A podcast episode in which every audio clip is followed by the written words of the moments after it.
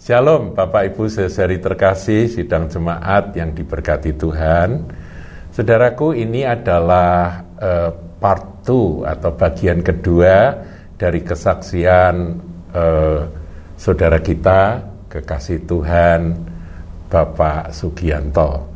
Kalau kita sudah mendengarkan akan bagaimana kesaksian masa pertobatan, masa uh, susah waktu uh, masih kuliah dulu, uh, apa itu kepepet dalam dalam keuangan dan sebagainya, dan itu saya percaya menjadi berkat bagi kita sekaliannya. Sekarang kita akan tiba pada kesaksian berikut setelah lulus Pak yeah, Gianto ya. Yeah. Tapi saya pernah mendengar sebelum lulus itu pada waktu mempersiapkan skripsi ada satu peristiwa kecelakaan ya. Itu yeah. gimana ceritanya Pak? Itu pada saat saya sedang ngerjakan skripsi, jadi sebelum lulus kan saya ngerjakan skripsi itu kan pasti saya ketemu dengan dosen pembimbing. Oh, ya. Yeah. Nah, nah, saya selalu ngasih uh, hasil skripsi saya untuk direvisi. Direvisi. Nah, pernah suatu saat itu kalau nggak salah hari Sabtu, saya masukkan revisi itu jam 9 pagi Hmm. Ya, ketemu nang dosen pembimbing saya sudah yang satu sudah nggak ada masalah. Yang satu ini memang cukup killer, dia cukup hmm, keras orangnya. Keras, ya. Nah, saya ke sana jam 9, ketemu kurang lebih jam setengah 10, saya serahkan hasil anu apa pembahasan saya. Hmm, hmm. Nah, di sana saya ketemu tanpa babi bu, film saya banyak yang dicoret-coret. Uh, dicoret, iya. Nah, ini harus revisi, ini revisi, ini revisi. Akhirnya terus saya juga cukup stres lah. Itu dia bilang jam satu kamu harus kembali ke sini sudah selesai kan revisinya. Itu kan kasih ya, kasih batas waktu ya, ya sekitar dua jam tiga jam. Oh, itu. duh, duh. Nah, saya langsung kembali pulang kos. Saya mulai ngerjain tak kebut gitu. Kebut kira-kira jam 12 itu saya udah selesai. Selesai kan saya harus fotokopi dulu. Ya lah saya kan nggak ada motor itu. Saya pinjam motor teman dari Jepara. Hmm. saya mulai keluar dari kos itu di kosan cukup tinggi dari jalan. Hmm. Sebelah kanan itu jalan yeah. agak naik, sebelah kiri kan datar. Saya pertama lihat sebelah kanan kosong, hmm. terus lihat sebelah kiri ada, uh, ya kosong. Akhirnya saya baru keluar dari ada, kos ada, ya? ada, uh, keluar ada ada di atas tapi agak jauh. Saya langsung saya tidak lihat kanan lagi, tak anggap kosong. Saya, saya langsung meluncur keluar naik motor. Tahu-tahunya ada kol kenceng itu saya di, terus tepat saya, di, saya ditabrak ditabrak kemudian badan saya mencelat mencelat uh, kenceng ya ya mencelat oh. terus saya jatuh di jalan langsung dilosor saya ditapani sama Datsu Datsu yang sebelah hmm, kiri tadi hmm, ada hmm, toh. hmm. untungnya itu saya sampai mau masuk kolong Datsunya yang di depan. Mau dilindas ya, ya mau dilindas dia sudah sempat terus bisa ngerem. Sampai saya dengar masih sempat dengar bahwa penghuni Datsunya teriak-teriak. Karena kan tahu ada orang hmm, di dalam itu. hmm. tapi akhirnya saya bisa bisa keluar dari Datsu itu terus saya duduk di teras yang di Kodim itu depan kos saya. Hmm. Nah, teman saya pada berhamburan keluar itu. Hmm. Nah, akhirnya saya ditolong teman saya ya agak pincang-pincang gitu toh. itu agak pincang-pincang. Kena Ternyata, anu ya, kena ya, paha ya. Paha kanan. Paha Mulai kanan. pinggul sampai paha itu saya lihat wah hitam legam. Oh, memar ya. Memar hitam legam saya takut wah ini pasti ada yang tulang retak nih. Hmm. Karena kan kencang sekali itu. Akhirnya saya siang itu memutuskan pulang ke Semarang. Saya uh, pergi ke dokter Gan di ronsen. Dokter Gan ya sampai kaget. Hmm. loh ini balungmu seperti balung besi otot kawat ini? Oh nggak ada yang retak? Tapi saya percaya ini iya. pertolongan Tuhan. Iya ya, perlindungan Tuhan nah, ya. gitu. Uh, akhirnya ya sudah memang tidak ada apa-apa. Uh, berapa hari kemudian saya terpaksa ke tiga lagi ngelanjutin skripsi saya. Hmm. itu itu kejadiannya seperti Dan itu. memang nggak apa-apa ya? Ada apa-apa. Ya Cuma, cuman yang jarum-jarum ya, gitu ya penyembuhannya berapa? Seminggu lah. Jadi seminggu boleh ya. lagi hitamnya hilang. Si Tuhan. Ya dalam uh, ketergesa-gesaan grogi itu kadang-kadang memang perlu kewaspadaan ya. ya. Tapi meskipun dalam kondisi kecelakaan perlindungan Tuhan tetap ada atas anak-anaknya. Ya. uh, setelah itu ada kesaksian yang lain yang kali itu saya sempat mengikuti ya karena yeah. Pak Gianto sudah bersama dengan Kahal yeah. ya. Itu bagaimana itu Pak? Yang uh. Pak Gianto sering sebut dengan salah fokus itu ya. Uh. Uh. Oh ya. uh, setelah saya lulus kuliah saya kan punya ya punya prinsip begini dulu saya hidup susah ya, ya memang susah beneran ya, ya memang susah, susah beneran uh, mau apa tidak bisa gitu itu akhirnya setelah lulus kuliah saya memang punya anu niat hmm. punya niat punya kemauan kuat bahwa saya harus kerja keras hmm. harus cari uang saya harus bisa kerja keras mestinya bagus ya pak ya, ya hmm. untuk mencukupi semua kebutuhan hmm. nah saya juga mikirnya ke depan nanti kalau saya rumah tangga pasti juga saya juga harus punya cukup uang ya, ya, ya betul. tidak mungkin anu istri saya dalam keadaan kekurangan mau saya anu ya. Saya minta. Itu akhirnya ya, saya ya. kerja keras. Bertahun-tahun saya kerja keras. Walaupun dalam kerja keras itu kadang saya sempat dari kecil-kecilan saya bisa bisa bikin pabrik kecil-kecilan. Semua ya. saya tangani sendiri mulai dari anu supir saya ngirim sendiri. Kalau ada ada pegawai tidak masuk saya saya kerjakan sendiri. Kerjakan semua sendiri. saya kerjakan sendiri Hmm. Itu sampai keliling juga sendiri. Ya, keliling sendiri. Dulu keliling sendiri sampai akhirnya repeat order pakai telepon hmm. doang. Nah, saya jalani terus itu toh. Akhirnya memang perusahaan saya meningkat, meningkat, meningkat. Memang keuangan saya juga meningkat. Hmm. Gitu, ya toh. Tapi satu itu saat, sudah sudah berkeluarga ya Pak waktu itu ya. Itu sudah. Setelah itu sudah berkeluarga. Pada saat saya berkeluarga saya belum punya rumah. Oh, belum Wah, punya ya. ya. Untungnya istri saya itu kan mau nerima saya padanya. Jadi ya, saya rumah masih kontrak. Ya Bagaimana Bu Yuli? ini ya. mantan pacar ini ya. diterima apa adanya ya. ya. Motor juga tidak punya, pas motor nggak punya ya. ya. Kalau pergi pakai motor motornya Yuli. itu. itu. Iya iya. Nah, itu ya, berjalannya itu perusahaannya cukup meningkat. Iya. Itu. Nah, karena setelah dengan berjalannya waktu terus meningkat, tapi saya salah salah jalan, salah fokus. Oh. Nah, karena pikiran saya cuma duit saya harus cari uang sebanyak-banyaknya karena latar belakang yang yeah, pahit yeah. dalam dalam ekonomi itu yeah. uh, membuat Pak Gianto ini aku harus kerja keras yeah. kerja keras yeah. untuk cari uang jangan yeah. sampai kekurangan begitu yeah. ya yeah. tapi akhirnya kebablasan yeah, gitu ya Pak ya itu akhirnya terus sampai suatu saat saya di betul, sebetulnya sudah ditegur Tuhan berkali-kali kamu harus kembali ke fokus ke Tuhan. Carilah dahulu kerajaan Allah dan kebenarannya, maka semuanya itu akan ditambahkan yeah. padamu. Yeah. Tapi yeah. yang dicari tambahannya. Yeah. ya, ini ini sebetulnya ayat emat saya, Win. ya, saya kan prinsipnya gini, cari dulu kerajaan Allah. Kalau saya kerja keras pasti Tuhan berkati. Mm -hmm. Itu prinsip saya seperti itu. Iya, Jadi saya kerja iya. keras terus. Walaupun kadang saya baca firman tapi bolong, itu. Nah, kadang sembahyang tapi wes tidak sepenuh hati gitu loh. Oh, gitu uh, ya. Sepenuh jadi, hati. Kadang ya cuman wah ini Jadi ini masalah hati. Ya. Uh, Masalahnya bukan hmm. bukan prinsip kerja kerasnya hmm. yang salah, tapi hati yang tidak tertuju pada Tuhan, Tuhan Yesus ya. lagi. Uh. Oh, jadi ini peringatan untuk kita semua Bapak Ibu ya, ya. yaitu bahwa yang penting itu masalah sikap hati ya, ya. Pak ya. Sikap hati itu mau tetap fokus pada Tuhan meskipun bekerja yeah. dengan keras yeah. itu yang uh. yang jadi pengalamannya Pak yeah. Gianto yang uh. terus gimana Pak? Nah setelah itu cukup perusahaannya uh, saya anu kelola itu cukup maju uh, uang cukup cukup berkelimpahan tapi yeah. karena latar belakang saya seperti itu kalau saya menggunakan uang itu selalu berhati-hati oh, ya, berhati-hati sekali hemat ya, ya. hemat. Tapi uh, itu ya ah. bagus juga loh Pak. Uh, dalam arti gini ya Min, saya tidak akan menggunakan uang kalau saya tidak butuh. Hmm. Butuh sesuatu barang itu kalau saya butuh sesuatu barang saya akan beli. Kalau Tapi kalau saya tidak butuh barang ngapain saya beli? Jadi gitu tidak uh, mengumbar keinginan ya. ya. Uh, saya karena karena gitu, karena kelimpahan harta itu sangat dekat sekali dengan apa kesombongan. Oh kesombongan. Nah, ya. Kesombongan, kebanggaan diri, maka itu saya hati-hati. Hmm. Ya, kalau orang zaman sekarang mungkin orang orang sering dan flexing lah. Iya, pamer, nah, pamer, pamer, ya. budaya pamer. Nah, itu saya takut karena hmm. takutnya nanti wah jangan-jangan saya, saya bisa jadi sombong. Gitu. Hmm. Makanya saya harus hati-hati. Jadi penggunaan uang pun saya juga hati-hati. Hmm. Kalau saya tidak butuh, saya tidak perlu.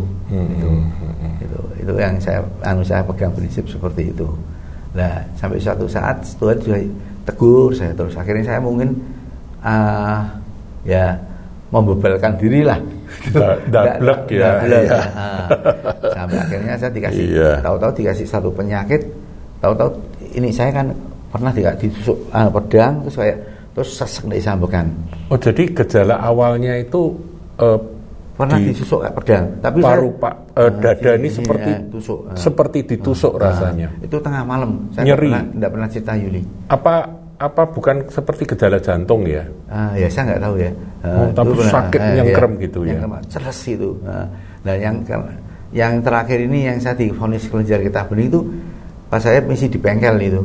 Nah saya buka bengkel juga, Mm-mm. bengkel mobil. Tahu-tahu kok ambekan saya nggak bisa ambekan.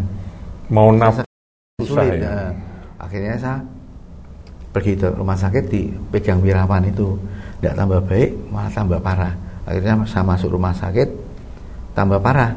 Sampai satu bulan lebih mungkin Umi juga pernah Iya Nah, kami kami ya, nengok nah, eh, Bu Ellen juga ya, nengok. Si Emi waktu itu masih ada. Sama si Emi. saya tidak tidak boleh terima tamu setelah itu.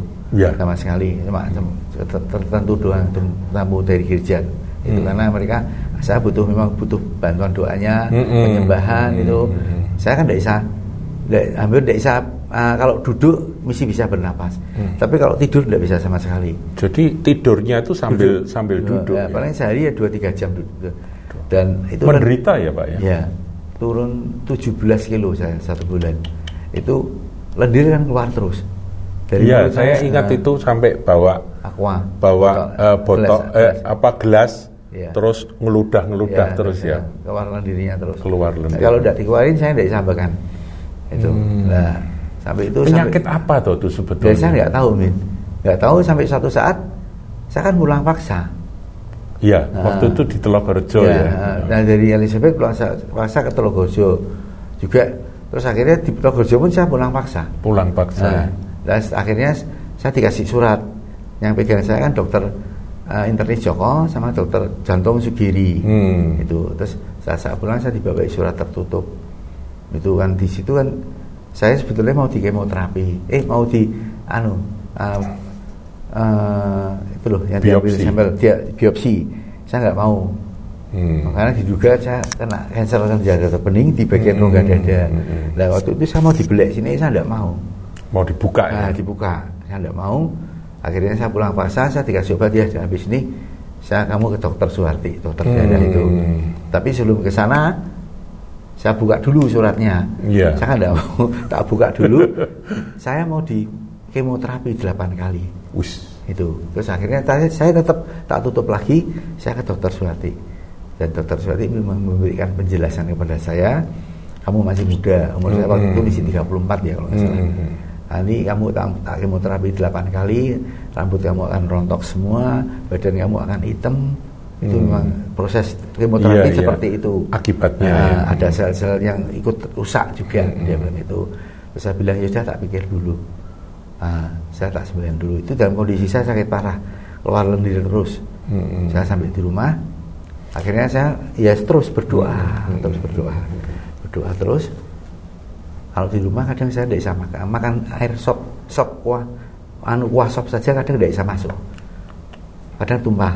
Kalau sudah makan gitu, saya terpaksa jengking omin. Oh, jengking iya. di ranjang, saya sembahyang, berdoa, menyembah. Itu Posisi yang enak tuh Jengking, malah yang jengking yang itu. jengking Eh, gitu di atas ya. ranjang itu duduk pun tidak bisa nafas kadang sampai di Semarang itu hampir satu bulan lebih itu itu ya selama saya berdoa memang saya kelihatannya berdoa tapi Tuhan yang melihat hati saya Betul. saya berontak sama Tuhan Ngelawan tuh. ngelawan Tuhan. Tuhan Marah ya, marah. Nah, saya tuh masih muda Tuhan karena saya kan masih kecil-kecil umur 6 tahun sama 8 bulan. Hmm. kenapa saya kalau dikasih penyakit seperti ini? Ya toh? Mau saya tuh masih kuat sebetulnya Hmm, ya hmm, toh? hmm, saya marah saya berontak. Kok nggak terima itu sama Hmm. Tuhan? Udah berjalan terus. Berjalan terus.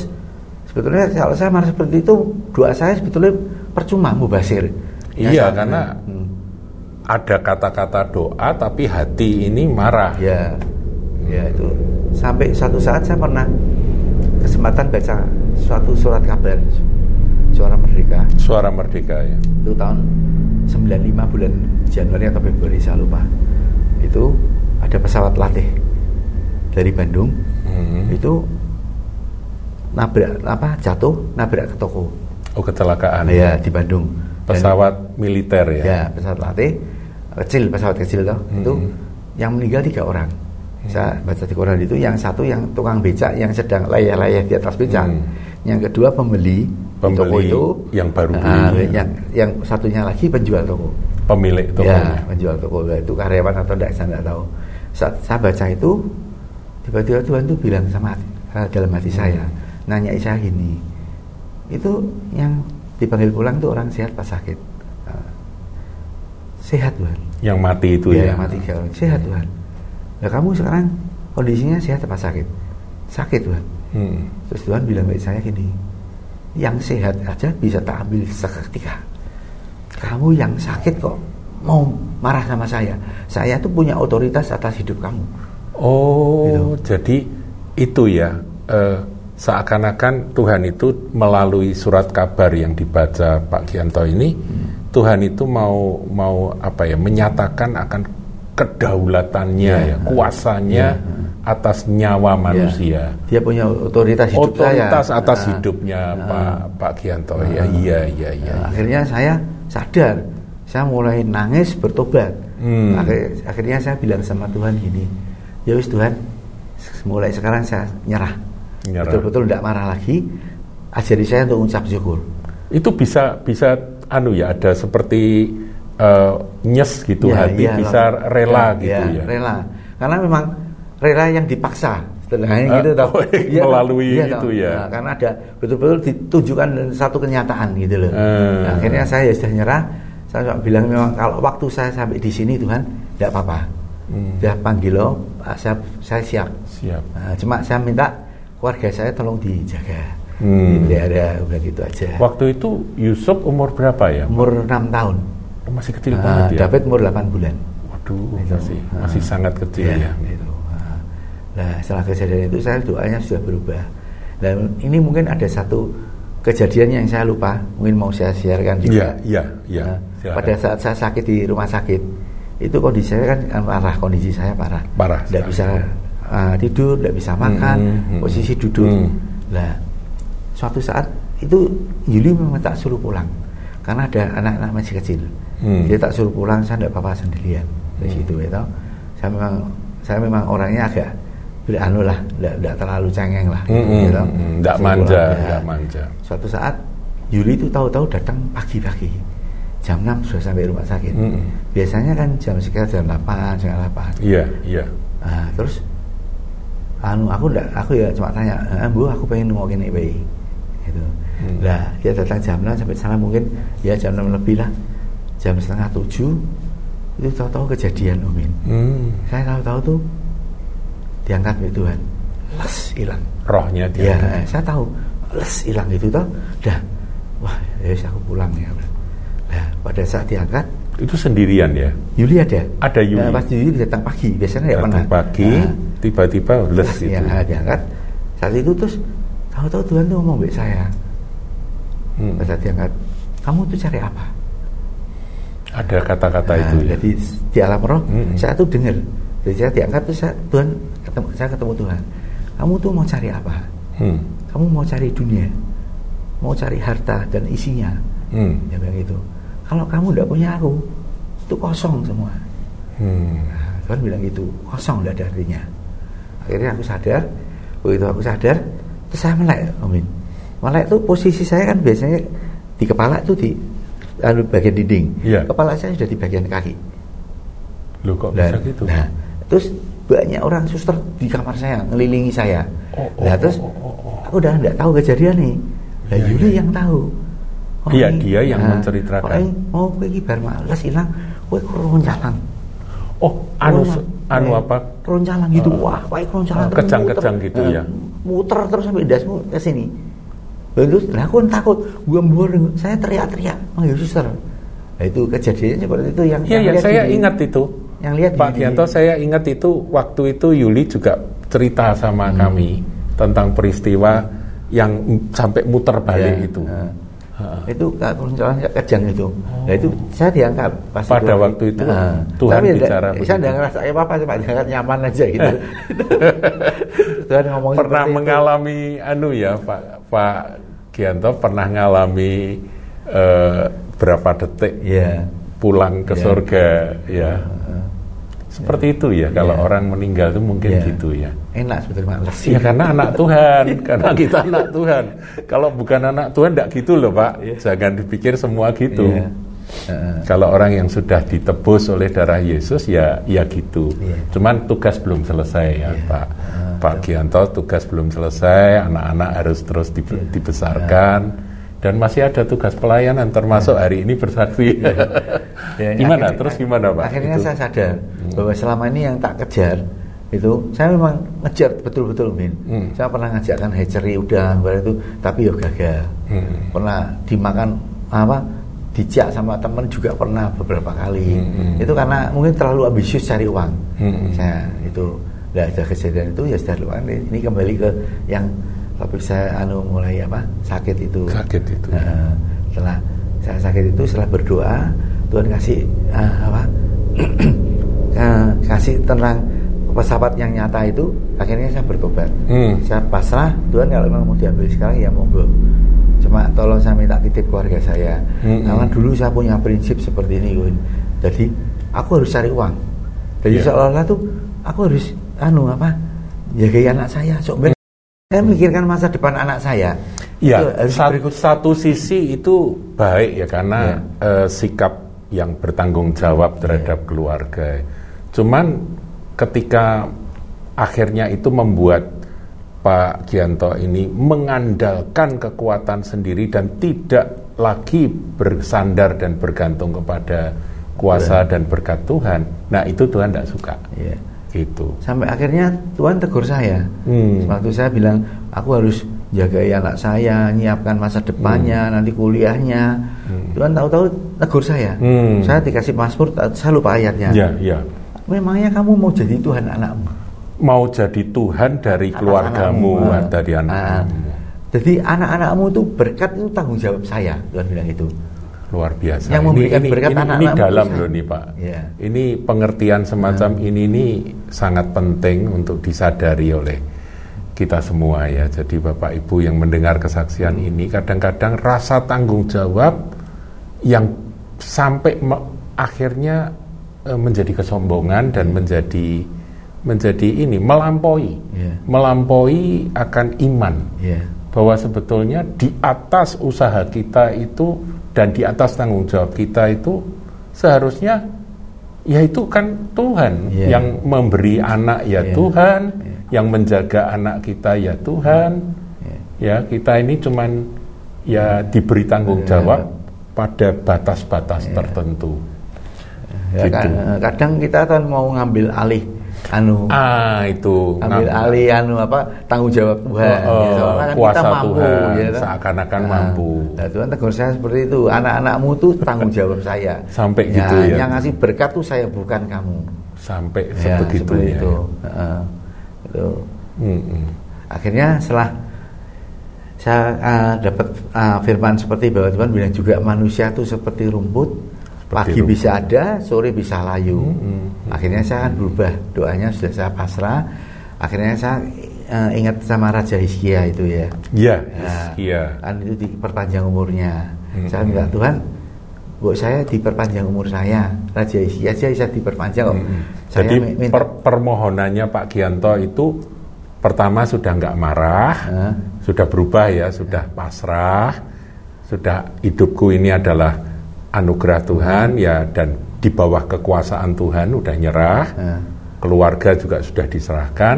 Terus baru minta perpanjangan itu. iya iya ya, ya, jadi stepnya uh, jelas seperti ya, itu. Uh, itu setelah itu saya berdoa minta belas kasihan Tuhan. Tiap hari bersyukur minta belas kasihan Tuhan seperti itulah selama saya masa masih masa sakit yeah. itu Yuli kan melayani saya hmm. masak uh, memang dia selalu masak terus saya uh, mau mandi disiapkan hmm. pakaiannya di kamar mandi hmm. memang saya jalan dia lemah Win. selalu yeah. dituntun sama Yuli tapi itu di rumah ya di rumah pulang paksa uh, karena ya? kan memang enggak, hampir tidak pernah makan makanya cuma hmm. sup hmm. kuah sup kuah sup doang gitu akhirnya ya sering dituntun ke kamar mandi lebih banyak ada di kamar sembahyang gitu tuh sampai suatu saat saya tuh kok pengen ke Getsemani itu kan saya pengen berdoa puasa. Hmm. Akhirnya ya Tuhan izinkan, saya bilang sama Yuli, diantar ke Yuli, terus aku ditinggal. Saya di sana kan mau tiga hari, aku gak tiga hari, hmm. terus saya, saya minta izin Pak Pak Sam, Pak, Pak Sam, Sam, saya mau doa, saya dikasih itu di kamar Elia hmm. kalau ya salah. Saya doa di sana, ya saya cuma mengucap syukur, nyembah, terus tidak ada tidak ada penolakan lah tidak ada penolakan dari Tuhan. Maksudnya penolakan saya marah sekali tidak ada. Sudah tidak ada ucap ya? syukur dulu. Nah, hmm. cuma minta ucap syukur. Hari kedua tuh Tuhan bilang sama saya hmm. udah kamu tenang saja. Kamu sudah sembuh. Sudah sembuh? Nah, wow. kamu sudah sembuh. Nah, kemudian terus saya dapat firman itu di Markus 11 saya 24 kalau kamu hmm. berdoa kamu percaya. jangan yakin, kamu hmm. percaya sudah menerima, hmm. maka hal itu akan diberikan kepadamu. Hmm. Walaupun kondisi saya parah, Amin. Saya tetap hmm. tapi percaya. Hmm. Nah, pada Jadi saat, belum ada tanda-tanda sembuh ada, ya? Sama sekali tidak. Masih lemah ya? Nah, masih lemah, keluar diri terus. Masih bawa ya, itu ya, ya ke mana-mana bawa betul, anu, uh, gelas, aqua. gelas aqua ya. itu yang untuk ludah itu ya. Saat di Getsemani itu juga saya dikasih iman sama Tuhan iman yang besar biji sesawi. Sebesar ses eh, biji sesawi. Kamu sudah sembuh obat kamu lepas. Itu? Lepas nah, obat? nah, obatnya sudah lepas. Saya akan minum obat pagi siang sore sekali minum 9 pil 9 pil. Jadi satu hari tapi di total ada nggak ada lo yang nggak ada perbaikan ya dengan obat ada. itu. Hmm. tapi saat itu kan saya sudah ada penolakan. Gitu? Ya wis hmm. kalau memang ini dari kamu Tuhan tak laku eh gitu? Hmm. akhirnya saya pulang saya dengan membawa anu apa pesan Tuhan dapat iman sebesar biji sesawi. Mulai saat itu uh, Tuhan berkata sama saya mulai saat ini berlakulah seperti orang sehat. Dan suruh berlaku, ber, berlaku seperti, yang tidak sakit nah, gitu ya. akhirnya saya pulang ke rumah saya suruh jemput Juli hari kedua sore itu saya langsung pulang. Saya sudah dapat jawaban yeah, yeah. terus saya bilang Mbak Yuli udah mulai sekarang kamu tidak usah melayani saya tidak usah nuntun saya tidak usah nyiapkan pakaian saya. Saya sudah sehat saya sudah sembuh mm -hmm. jadi tak imani apa mm -hmm. yang dapat dari Tuhan. Sudah tak imani terus itu terus obatnya tidak tak minum. Yuli kan tahu. Mm -hmm. loh obatnya tidak tidak Tuhan anu bilang sama saya tidak usah diminum suruh lepas. Hmm. karena saya dapat iman sebesar biji sesawi itu. Nah Tuhan tidak nyuruh saya saya tidak akan berani karena Jadi, iman itu diberikan Tuhan. Betul betul. Nah, Jadi itu. harus ada firman dulu baru kita ya. anu apa melangkah ya. Nah, itu. Dan sudah berjalannya itu ya tidak semakin baik Ya tidak ada tidak ada, ada perbaikan ya, sama sekali ya. Sampai suatu saat, saat dari kejadian itu mungkin dua minggu atau tiga minggu saya sembahyang Tuhan. Tuhan, aku diizinkan untuk kontrol di Singapura untuk oh. ngecek kalau saya sudah sembuh. Itu, hmm. itu, itu. Terus akhirnya aku minta izin oh, berangkat ke Singapura. Jadi tetap yakin bahwa sudah sembuh ya. tidak peduli kondisinya iya. jelek ya, ya. jadi mau ke Singapura mau cek bahwa aku sudah sembuh, sembuh. ya. luar biasa. di pesawat saya juga keluar diri terus mesti bawa botol apa gelas aqua terus. Iya iya. Itu. Tapi saya percaya gitu loh. Nah, nah terus akhirnya sampai di Singapura itu yang mujizat itu terjadi pada saat saya turun dari pesawat. Hmm, mendarat. Mendarat turun dari pesawat. Turun dari melangkahkan pesawat. kaki saya di Canggih di bandara hmm, Canggih begitu kaki saya melangkah di Canggih saya saya baru berjalan berapa langkah itu. Lendir saya itu hilang sama sekali. Hilang sama ya, dia. seketika. hilang sama sekali. Tidak keluar sama sekali. Kemudian gelas aquanya saya buang tempat sampah. Dan sejak saat itu tidak pernah keluar lendir. Luar biasa nah, ya. nah, nah, saya kan langsung meluncur ke rumah sakit Glen Eagle. Glen Eagle. Nah, pertama saya ketemu dokter ahli kelenjar getah bening, dokter uh, Talking Cat. Hmm. Saya masih ingat sekali. Terus hasil saya dilihat semua, terus dibuang sama dia. Diulang. Diulang. Oh, nah, cek di, ulang. Cek, cek ulang semua labnya. Terus cek ulang, dokter bilang 90% ini menuju cancer. Hmm. 90%. Nah, kalau akhirnya saya harus dibiopsi Hmm. Kalau tidak menurut 90% dan isu cancer saya tidak perlu dibiopsi. Jadi Akhirnya. biopsi itu untuk meyakinkan, nah. meyakinkan nah. ini nah. cancer atau nah, tidak. Memang gitu. ada tanda-tanda 90% ke sana. Hmm, hmm, hmm. Akhirnya saya dibiopsi, tapi tidak dibelah seperti di Semarang. Hmm. Di sana saya ditusuk sama pipa. Duh. Belakangnya. Terus sakit ya pak ya? Sakit sekali ya Min. Itu. Ditusuk ya. Nah, walaupun sudah disuntik lokal, hmm. sampai tembus ke rongga dada Hmm. Terus dia diambil pakai sabit, diambil anu sampelnya untuk Hmm, biopsi itu. kait itu Ya, ya, dikait ikat gitu, tiga tiga sampel. Hmm. Sampai keluar darah Yuli sampai mau semaput dia lihat itu. nah, Aduh. itu akhirnya dokter sudah dah sudah kita ambil nah, yang ambil sampelnya itu dokter Yao Chosian Hmm. itu tuh, beda sendiri Hmm. ya akhirnya ya udah kamu banyak berdoa ya Hmm. bilang sama istri saya sama saya saya kan cerita saya di rumah sakit di Semarang satu bulan lebih dokternya teriak hah satu bulan lebih gitu akhirnya dua hari kemudian dokternya udah ada hasilnya Iya. ditunjukin ke saya sama istri saya Hmm. ngasih salam saya sama istri saya udah selamat ya tidak ada cancer bersih Bersih. ya lah Jadi betul ya. Ya. Eh, minta ke Singapura untuk membuktikan bahwa Tuhan sudah menyembuhkan. Itu. Tapi betul-betul mendarat jalan hilang. hilang itu eh, Hilang, lendirnya hilang. ya. itu Kemudian diperiksa masih diragukan. ya Di biopsi. Iya. Nah, itu memastikan Iya. kan. Dari hasil biopsi bersih. bersih eh. Wow. Terus setelah itu saya langsung pulang, saya langsung jalan-jalan. Sudah ya, pada saat sampai saya sampai di Singapura itu sudah tidak merasa orang sakit, sudah sehat. Makan juga Nah, suka ya. Sudah, iya. Sudah bisa Nah, makan ya. iya. Di sana cuma dua hari opnam. Dua hari opnam, sisanya jalan-jalan. Itu. Tuhan kita luar biasa. Jadi nyata sekali ya kalau kalau Tuhan sudah berpekara Iya. itu Tuhan bilang sembuh ya sembuh beneran. Iya. Tapi kesembuhan yang dari Tuhan itu ternyata anu ya secara proses eh, tanda-tandanya itu kok butuh waktu ya Pak ya. Iya, Iya. Dari Tuhan bicara sembuh sampai tandanya hilang itu tuh ada jangka waktunya. Iya, kurang lebih dua bulan ya itu. Dua Satu bulan setengah ya? sampai dua Luar bulan. biasa ya. Ya. Itu kan setengah sampai dua bulan kondisi tidak membaik loh. Tetap Nah, tetap iya, buruk ya. Iya, kalau saya tidak nempel itu kan ya pasti tidak kuat. Pasti, Pasti akan berubah saya. lemah. Heeh. Terus Wah, bisa, bisa minum obat lagi saya. apa itu iman se- sebiji sesawinya nunggu sampai tumbuh Itu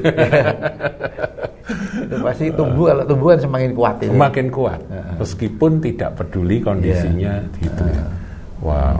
Ini nyata sekali ya bahwa firman dari Markus 11 ayat 24 itu Iya. benar-benar iya dan amin ya. Hmm. Saya banyak alami tentang Markus ini, Umin. Waktu pelayanan di apa? Eh, itu loh yang, yang di apa? Yang di Mayang Sari. Mayang Sari. Ya, dulu saya yang sana sama Iya, Heri. iya, iya, iya. Ya, ini salah satu contoh banyak pelayan uh, mujizat yang dapat saya terima. Hmm. Saya kan waktu itu bawa firman di Mayang Sari malam kan itu kaum kaum Ya, bawah kaum kan. bawah. Nah, itu saya tuh diare berat. Oh. Nah, saya bilang sama Heri, Heri aku ketahui tidak isah nih. Hmm. Saya dijemput sama Heri. Hmm. Saya diare berat. Terus uh, jam 6 saya bilang Heri, jam 7 harus berangkat loh. Hmm. Saat itu saya berdoa sampai Tuhan. Tuhan ini? Saya kan harus ngasih siap Firman. firman. Nah aku tidak berhenti di hari ini aku tidak akan bisa. Oh jangan berapa menit, lima menit ke belakang, lima menit ke Hmm, belakang. hmm, hmm. Tapi nek memang aku izinkan aku berangkat Tuhan, aku minta kesembuhan Tuhan. Hmm. Akhirnya tak tangkingi, Amin. Hmm. Tak tangkingi saya di Salatiga juga tidak pernah minum obat. Hmm. Kalau sakit saya mengandalkan firman, tak tangkingi Iya, sembuh. iya, Ini iya. juga tak tangkingi. Terus dalam nama Yesus tak tangkingi semua. Setelah itu kok mampet ya? Jam sembilan mendekati jam 7 itu mampet. Saya Padahal langsung- itu sepanjang hari terus Iya, ya. heeh. WC Heeh, terus ya. iya. Terus akhirnya, akhirnya bilang sama Heri, Heri jemput dah saya. Nah, saya berangkat jam 7 kurang seperempat itu berangkat sampai sana. Sampai itu siar firman pulang lagi sampai sampai rumah jam 10 malam. Nah, tidak sama sekali tidak diare. Hmm. Lah ya. Dan itu memang Tuhan izinkan seperti Hmm, jam hmm, beker hmm, itu. hmm, hmm. Sampai di rumah. Setelah sampai di rumah saya langsung mangsur lagi. Oh, Gitu. seperti jam baker Iya. yang kemarin Nah, kita nah. aduh eh, Pak Gianto cerita itu ya. Iya. Jadi saat itu mujizat ada tapi terus kembali natural Ya, lagi. nah, sama tiga jam saya di stop itu di harinya. Karena pelayanan. Iya itu. nah, Oh, itu. dahsyat sekali. Puji Tuhan.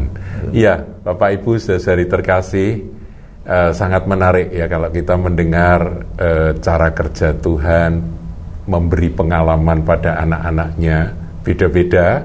Saya percaya Bapak Ibu juga punya pengalaman, saudara-saudari punya cerita yang berbeda-beda tentang bagaimana Tuhan itu bekerja dalam hidup kita, memberi pengalaman pada kita.